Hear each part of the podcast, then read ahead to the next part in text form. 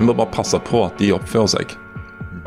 Punktum. Og det har ikke alle gjort. Det er jo kredittkort som har de høyeste rentene. Staten er jo nesten blitt, eller er nesten vår uh, felles torpedo.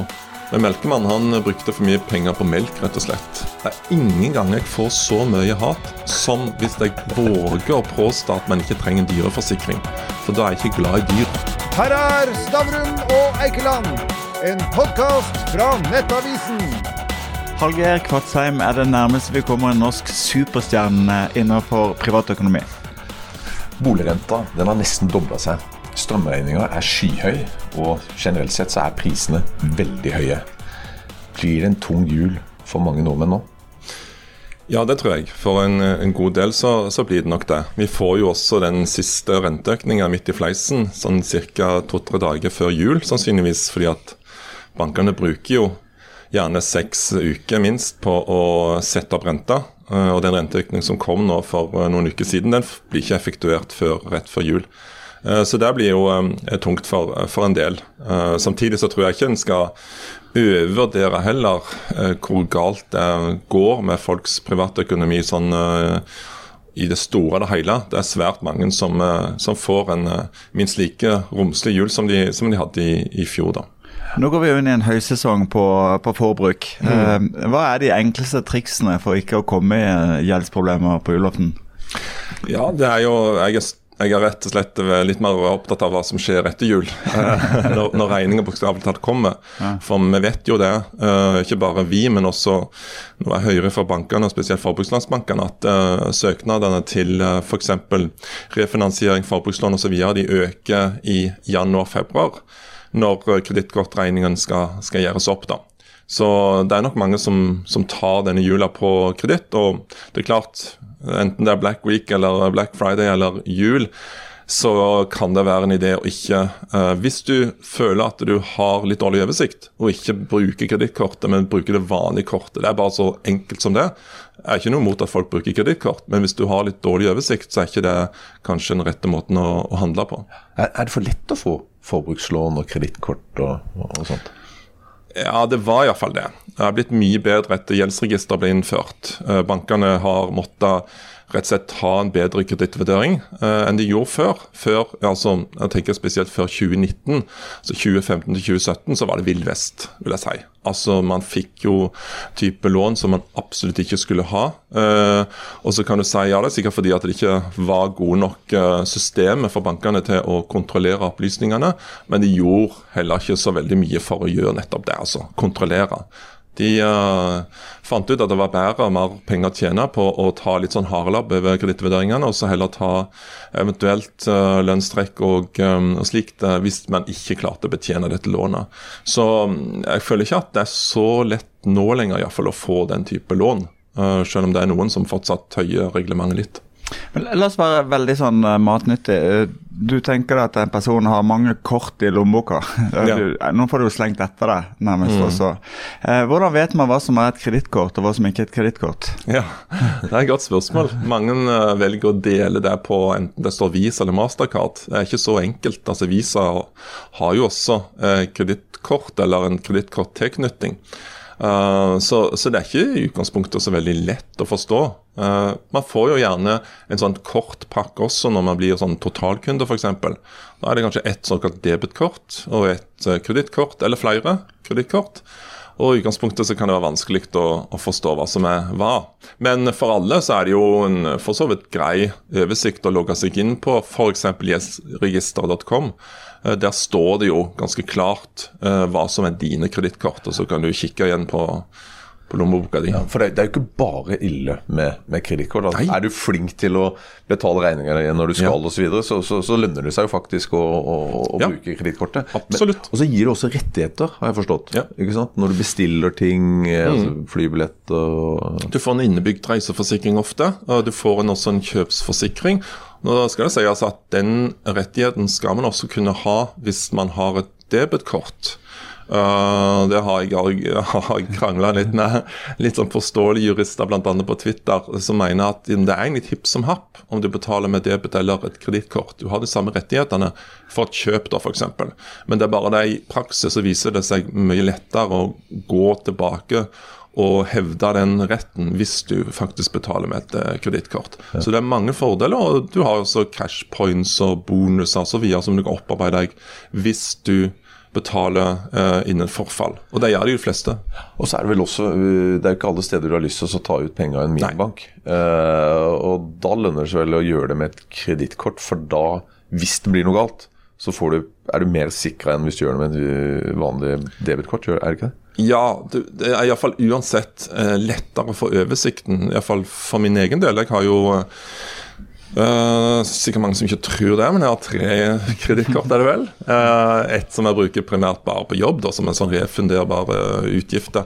Og så et som er rett og slett for å ha litt bedre oversikt over de tingene som jeg er litt, uh, ja, litt usikker på hva skjedde når jeg var i utlandet og betalte? Er dette alt uh, i orden? hvis du skjønner? Gjelder... Altså Du har vært litt på byen du også? i utlandet? Jeg har vært på byen. Uh, jeg, også, ja. jeg legger på nettsider og, og bestiller ting. Da setter de gjerne på, på det ene kredittkortet, så jeg har litt bedre oversikt. Og sist, men ikke minst, alle sånn streamingabonnement rett på det kredittkortet, for da har jeg bedre oversikt. Hvis du har det på debitkortet, så blir det blanda med alt mulig annet. Altså Rema og Nessemar og alle utgifter. Så er det litt vanskelig å få se hva er egentlig den, altså den gratisperioden f.eks. du signer opp på tre måneder, uh, betaler jeg på den fortsatt? Litt enklere å se hvis du har det knytta til et spesielt kort. da. Trenger jo ikke være kredittkort, men det kan være et annet enn det du bruker til, til vanlig. da. La oss, la oss, da skifte fokus til januar-februar. Du har kjøpt et eller annet du ikke har råd til, eh, mm. og så går det litt over styr. Hva er det som, eh, for, Forklar mekanismene i hvordan en regning på 10 000 kroner blir mye, mye større etter hvert. Ja, så i, i, utgangspunktet når vi snakker om at sånn kredittkort kan, uh, kan gi oversikt og kan være greit, og du utsetter jo betalingen um, Det har ikke vært så stort poeng i og for seg nå i siste årene fordi det har vært så lav rente. Men det er klart når renta øker til kanskje 3-4-5 også på kanskje til og med på sparekonto, ja, så gir det jo på en måte et incitament å utsette betalinger for de som har sånn struktur. da. Uh, for da slipper du å betale renta i den perioden da, på en måned. Men, uh, men, men problemet er jo at man glemmer jo gjerne av den regningen som skal da ha til forfall i 15.1. Så alt det du har betalt i desember, glemmer du kanskje. Og så ser du at ok, dette går litt opp i opp med kontoen, og så kommer det da en faktura som har forfall typisk 15. eller 20. neste måned. og det er jo det som er bøygen for ganske mange når det når de har vært ute og handla mye. Så, så, det er det første da som skjer. ikke sant? Altså Så får en, iallfall hvis den er ute og sklir litt, da, så får en den, uh, og den er kanskje mye høyere enn en trodde. Uh, og så begynner renta på den å løpe. Uh, og så tenker en ja, en skal klare liksom, å betjene det lånet, men så går en kanskje på en smell, utfortsatt utgift innimellom som man tar opp, og det at de pengene har han ikke, han har ikke bufferkonto. Så tar han jo kanskje opp ekstra med, et ekstra på det kredittkortet, og så er det strukket for langt, så tar han opp et nytt et. Og så kan det balle på seg litt for, uh, for en del, da. Men hva skjer da med den regninga som øh, ikke blir betalt? Den løper jo til gjerne 25-30% nominell rente. Det er jo kredittkort som har de høyeste rentene. Det er gjerne forbrukslån som blir på en måte mest uglesett at man tar opp et forbrukslån. Men det har ikke nødvendigvis mer enn 10-15 rente. Det er kredittkortene som har uh, den høyeste renta her i landet. Men så ok, men eh, nå tenker jeg litt sånn, så går det til inkasso. Du klarer rett og slett ikke å betjene mm. den. Ja. Og så begynner det å balle på seg. da. De 20-30 ja. er jo peanuts. Det er det. for det også, Hvis det går til inkasso, hvis du ikke får gjort noe, hvis du bare lar være å og eh, tar ikke den telefonen fra inkassoselskapet, eller hvis de ringer, eller du, du, du, orker ikke forholde deg til det, så blir jo økonomien mer og mer uh, stengt, kan du si. Uh, for da plutselig så kan du få en betalingsanmerkning. Uh, så kan du ikke gjøre noe med lånene dine. Eller du får ikke noen nye lån, du kan ikke nødvendigvis refinansiere. Og så går det i verste fall til lønnstrekk. Vil si at det ene kredittkortet tar store deler av din såkalte frie likviditet hver måned. Og da blir jo hele da, ja, økonomien din rett og slett litt sånn stengt. og Du klarer ikke å betjene andre eh, kort eller lån du har, også, eller andre faste utgifter. Fordi når man beregner såkalt lønnstrekk, som er sånn tvangstrekk per måned, så går man ut fra normerte satser. Og det er gjerne mye lavere enn det folk eh, flest har. Uh, og da uh, merker en fort at folk altså det sklir litt ut, da, fordi at det er så mye av ekstra likviditeten som låses. Er, er det første kreditor til Mølla som får lønnstrekk? Ja. Mm. Okay, så de andre de, de, bare fortsetter å sende regninger og gebyrer? Stemmer. Ja, det gjør det. Og der er det jo et ras uten, uten like. Det er nesten som Formel 1. altså. Det er liksom å komme seg først til namsfogden og få det trekket. Og der har vi nok sett en ganske sterk utvikling. altså en litt sånn dårlig utvikling de siste årene, med eh, spesielt forbrukslånsbanker som ser at det er den veien de må gå, altså raskest mulig til lønnstrekk, istedenfor kanskje å komme i dialog med, med, kunden sin og se på okay, hva kan vi gjøre her. Er det noen muligheter for at du kan betale litt mindre i perioder?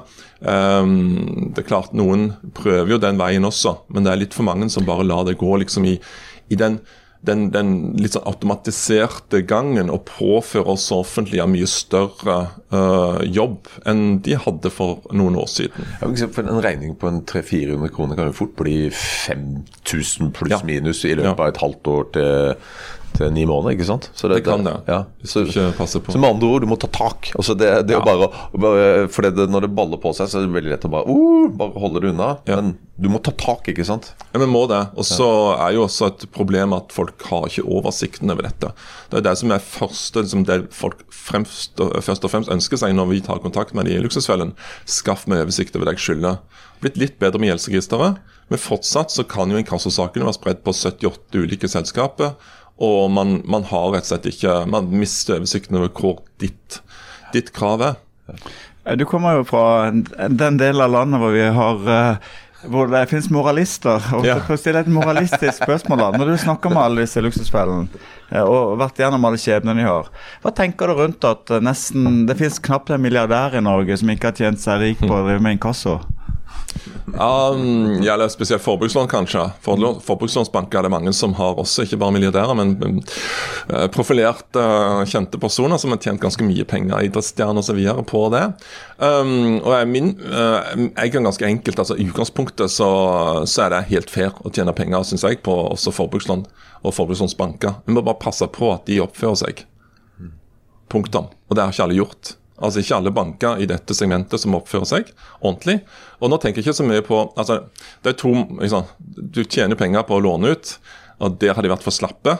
Uh, og vil jeg være med på forsett, nesten, for de vet at det er punkt to. Når du skal få tilbake pengene, så er det altfor lett. Altså, uh, Staten er jo nesten blitt, eller er nesten vår uh, felles torpedo.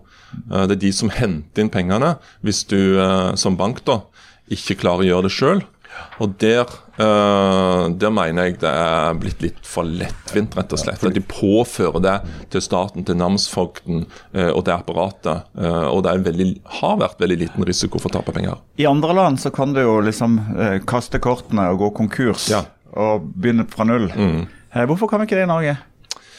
Um, ja, det er mange som tror fortsatt at vi kan det, at man kan gå personlig konkurs. Men det er stort sett bare hvis du har næringsgjeld at f.eks. staten da uh, slår deg personlig konkurs. Eller så, så, så dere den femårsregelen lenger? Altså for privat? Nei, det gjelder nok noen sånn nærings... Uh, altså holdt jeg på å si beskrankninger på å komme tilbake til næringsvirksomhet, men ikke når det gjelder privat. Det kan være at det henger tilbake igjen ifra altså Tidligere var det f.eks. hvis du fikk en betalingsanmerkning, så gikk det, selv om du ble kvitt kravet, du betalte inn, så gikk det tre år før, var, før du var kvitt den. Eh, det er fortsatt mange som tror, men dette slettes dagen eller natta over etter at du har sletta kravet ditt. Så, så, det er ikke sånn type uh, strenge regler som uh, Eller sånne type regler som du har f.eks. i USA. Det er kanskje godt da, for sånn, finanskrisen delvis var jo forårsaka av at eh, punkt 1, det var for lett å få lån, altså boliglån til folk som ikke skulle ha boliglån i USA. Og punkt 2, når de fikk det, så kunne de bare løpe ifra det. Altså Bokstavelig talt, de kunne bare låse øh, huset og la nøkkelen stå og så si 'hasta la vista', det er ikke mitt problem. Mm. Og det har vi jo ikke uh, i Norge heller. Du må faktisk uh, gjøre opp for deg. Men det, femårs, ja, det femårsregelen tenker du kanskje på gjeldsordningen. Ja. Altså Gjeldsordning har vi jo. Men det er ikke på en måte en sånn personlig konkurs. Men det er noe som ble innført på, på begynnelsen av 90-tallet etter jappetida. Uh, at man skulle kunne altså Man så jo at folk måtte jo egentlig sitte igjen med gjeld i 20-30 år. Hvis, og hvis det ikke var en måte å komme ut av de, så ble jo de fullstendig altså De slutta å jobbe, eh, det var ikke noe trekk. Men de ble jo heftende ved denne gjelda i da 20-30 år. Så da sa myndighetene ok, her er liksom en lov som tilsier at hvis du betaler maks på dette i type fem år, altså egentlig gjelder det mellom tre til syv år vanligvis, men normen er fem år, så, um, så sletter vi alle type usikra lån etterpå, alle usikra krav etterpå. Så da er det som home free, da. Men det er ikke, det er ikke en lett det er ikke en lett utgang, og det er en, det er en, en stram eh, periode i fem år. Eh, Forklar oss det enda, enda folkeligere. La oss tenke oss altså Det finnes jo personer som er veldig selvforskyldte i, i trøbbelet de har ja. kommet i. Men så er det noen som også er uheldige. Altså De mm. blir skilt, eh, de mister jobben. Mange ting skjer samtidig som gjør at de mister kontroll over økonomien. Ja. La oss si du er i en sånn situasjon at du faktisk eh, får gjeldsordning. Mm. Hva skjer da, og, når, og hvordan kommer du ut av det? Ja, I utgangspunktet så må du jo først prøve å få en såkalt utenrettslig ordning. Dvs. Si at du må forhandle med inkassoselskapene og bankene om å, klare dette sjøl. Da sier du ok, jeg har sånn så mye penger, uh, jeg ønsker å betale ned dette, kan jeg få lov til å gjøre det i løpet av fem eller seks år? Og Så sier de kanskje nei, så går du til, via til en offentlig gjeldsordning, en tvungen ordning. Uh, og da er det jo da uh, ofte, er forbind, uh, ofte er det sammen med en Nav-rådgiver. Du setter opp kanskje hvor mye du kan betale, og så er det namsfogden, da, politiet kan du si, som bestemmer om du skal få denne gjeldsordningen eller ikke. Og I verste fall så kan det gå til tingretten. Men da er det slik at hvis du da er såkalt varig ute av stand til å betjene eh, gjelda di innen sånn rimelig antall år, så kan du få en gjeldsordning. Og da er det sånn at da bestemmer staten ok, du kan ha igjen la oss si da, 8, eller avhengig av familiestørrelse, men la oss si 8000 til forbruk, pluss uh, husleie eller boligkostnader. Og en uh, moderat bil, hvis det er det du må ha for å få uh, komme deg på jobb osv. Og, så og alt utover det skal betales til kreditorene dine. Og da er du, og, men problemet er at det går ganske lang tid ifra du da søker om en sånn gjeldsordning og til du eventuelt får innvilga det. Uh, også etter det så går det jo også gjerne gjerne fem år. Så er det noen krav her, f.eks. at gjelden må ikke være for uh, Eller var iallfall sånn at gjelda må ikke være for for ung. Hvis, det, hvis det over halvparten av kravene det gjelder, var, var yngre enn to år, så fikk du i gjeldsordning. Ja. Men, men, dette høres jo litt komplisert også. Mm. og uh, Hvor kan du få hjelp til, til dette? For dette ja. Ja, uh, tror jeg det, altså, du, enklest er å ringe Nav. Eh, de har en sånn kompetansetelefon for gjeldsrådgivning. Uh, så får flere hundre tusen forespørsler i året. Det er 50, 55 50 31, 39, 39 eller noe sånt. Det er, det er er Superlett nummer, altså. Før var det 800 gjeld, mener jeg, men uh, det var enklere. Men nå er det et annet nummer. Uh, der sitter det kompetente folk og så kan gi den type informasjon ganske raskt. Hvis du trenger mer sånn hands on, så må du gå til Nav, eller en gjeldsrådgiver, på ditt lokale Nav-kontor i kommunen du bor, eller i bydelen du bor. Og De kan nok hjelpe deg på vei. Og så ligger det jo veldig mye god informasjon på nettet også om akkurat det, da, om hvordan du skal da bli kvitt Eller hvordan du kan få en gjeldsordning. Men, jeg, fikk, jeg, jeg, fikk, en assosiasjon av det. sånn I gamle dager så måtte du i gjeldsfengsel hvis ja. du ikke klare det opp. Men dette er på en måte en slags moderne versjon hvor du går med fotlenker, med gjeldsfotlenker. Ja, du kan ikke gjøre så veldig mye i den perioden iallfall. Uh, mange tror jo også, også deltakere i Luksusfellen, at de skal det er det som er på en måte Når, når, jeg, spør, når jeg spør de hva er det verste som kan skje, jo det er jo at jeg må gjeldsfengsel. da. Det, det, eksisterer jo ikke lenger. Å oh, nei, ok. okay apropos luksusfellen. Altså, nå har det jo gått det er 30 sesonger. Altså, det er iallfall ja. sinnssykt lenge. ikke sant? Ja, 24. Ja. 24, mm. nesten. Um, og du har møtt på mange syke historier. Mm. Ok, Hva er det sykeste du har opplevd?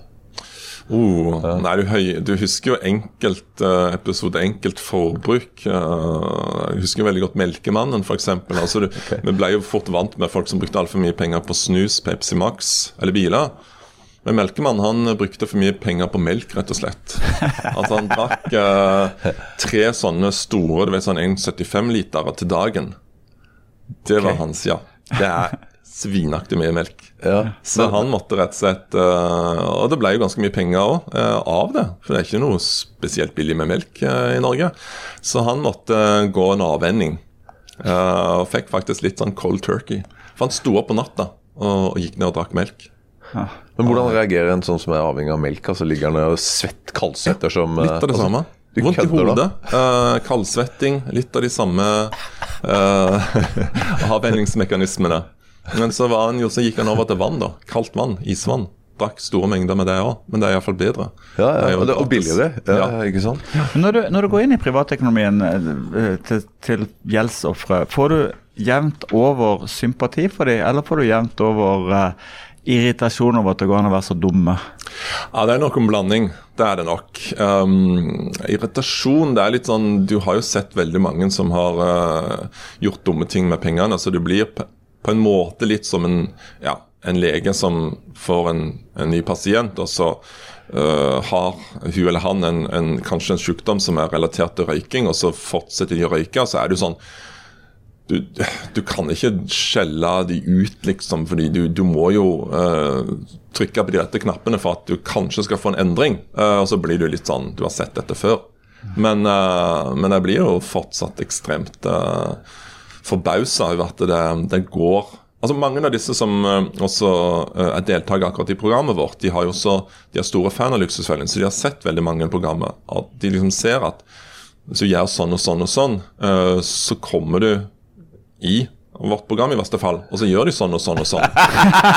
så, så, så det er litt sånn Jeg får litt vanskelig å forstå, da. Ja, men altså, Du sa Pepsi Max og snus og sånt nå. Mm. Jeg syns veldig mange har hund.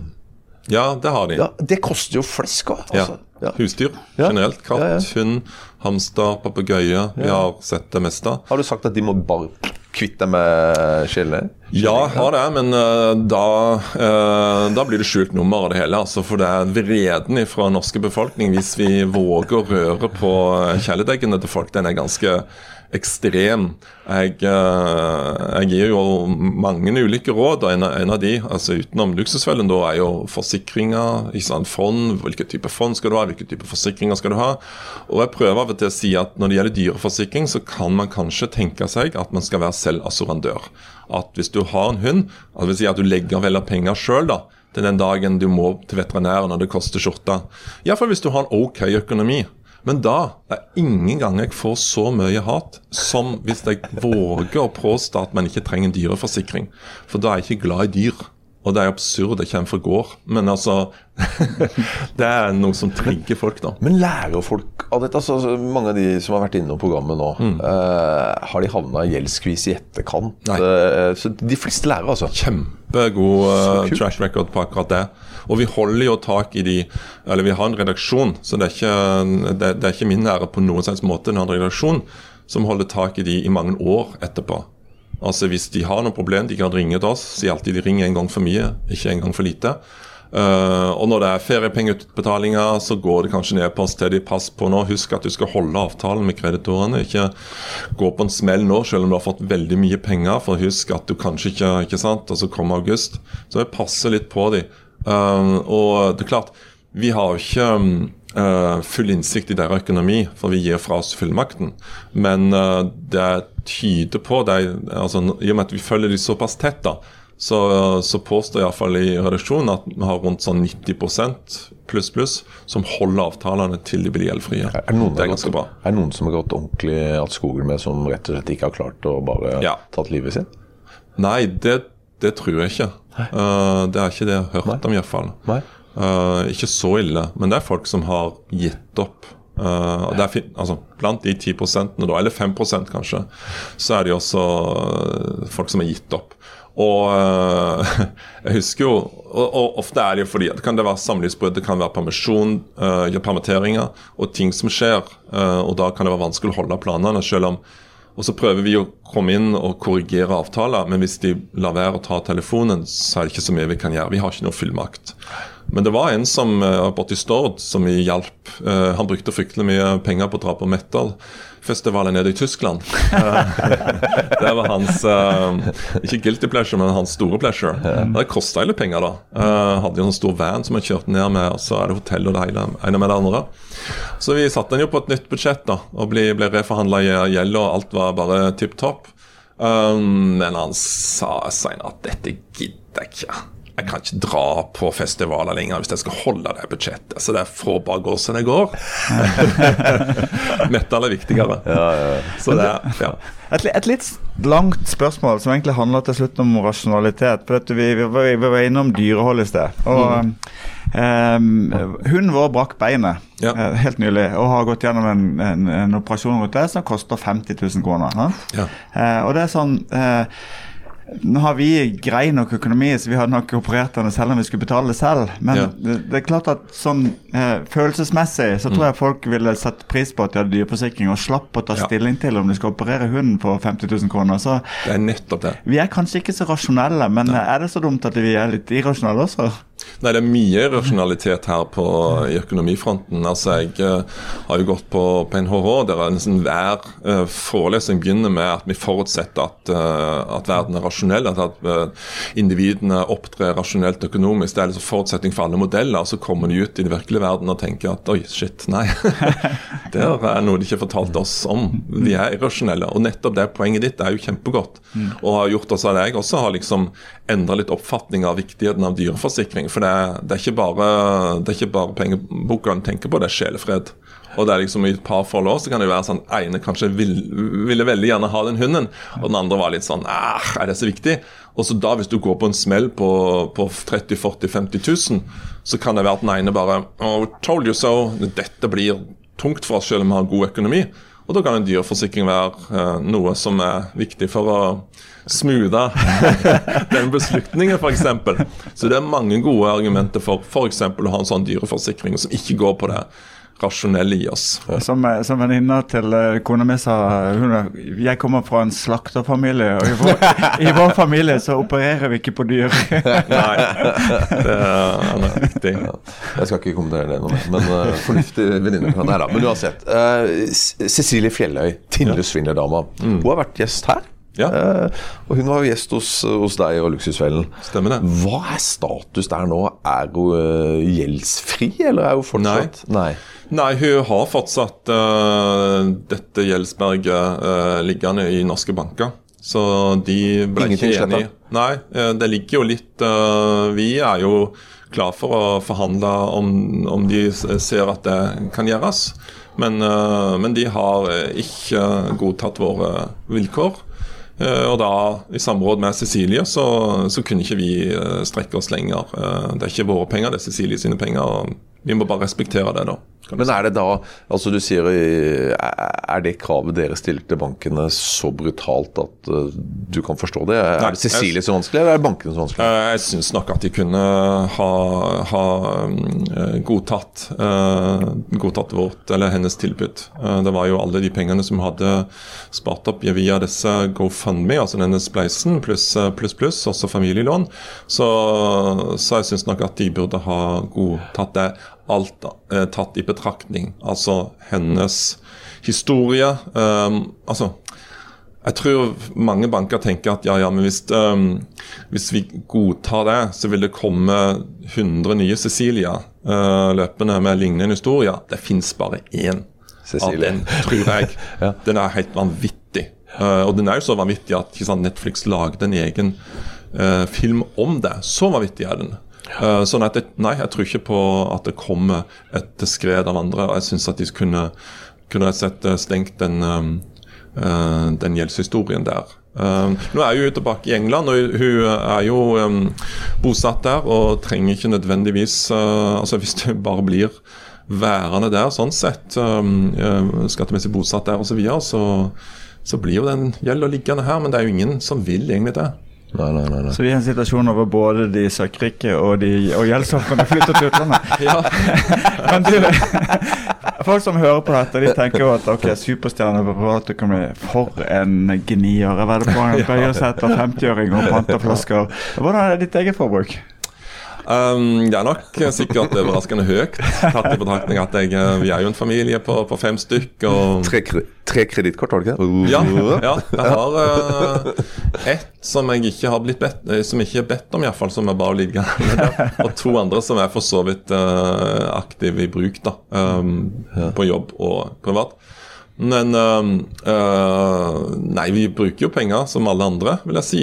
Um, Men jeg vil, jeg vil, ikke si at jeg sløser, det, det gjør en ikke. Uh, men du bruker mye penger. Jeg har jo et hus fra 40, satt opp i 40-50-tallet som en alltid har noe å, å, gjøre noe med. Uh, Strømregninga er vel uh, lav der? skulle jeg tro. Strømregninga, altså, Jeg syns jo at den er lav tatt i betraktning så høy spotprisen er, men det er pga. Strøm, strømstøtta. Og jeg er kanskje en av de få, eller jeg vet ikke, Har dere forstått strømstøtta?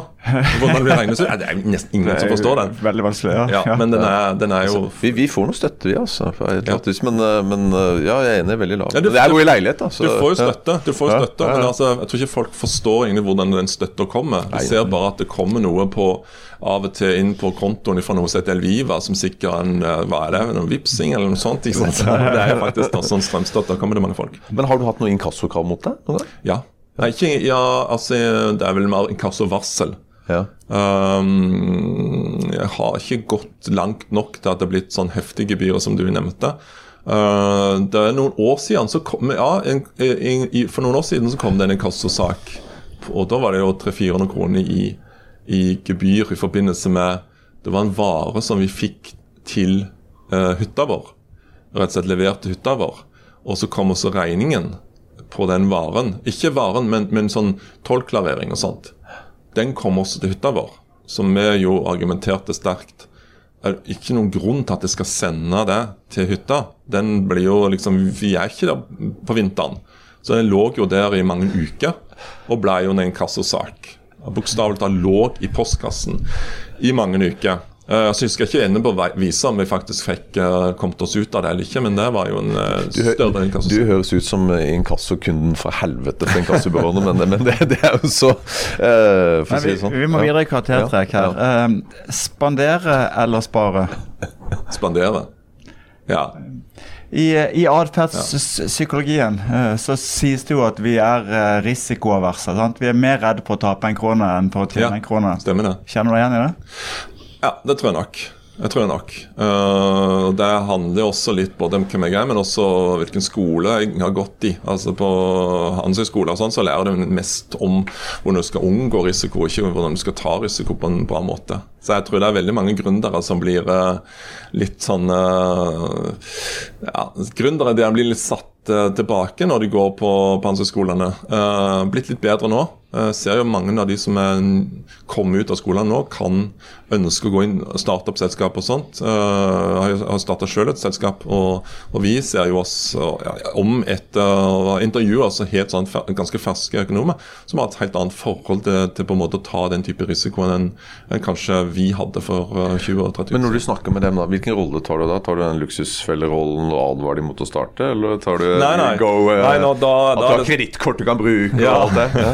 nei, da er det masse Jeg prøver jo kanskje å få de til å bli ansatt i vårt, vårt eget firma. Da. Men, uh, men samtidig så, så ja, det er litt vanskelig, for du hele tida har en sånn må jo passe på at du må ha fast inntekt, og du må ikke gå til startup-selskap. De vet jo ikke hvordan det går med deg. Og så det er liksom to stykker som, som er på skuldrene mine å svare. Et, et sesongspørsmål helt til slutt. Går du i overskudd eller i minus på julegaver? Oi, nei, du går jo solid i minus. Ja, du gæren. Du fikk Stavrum og Eikeland, en podkast fra Nettavisen.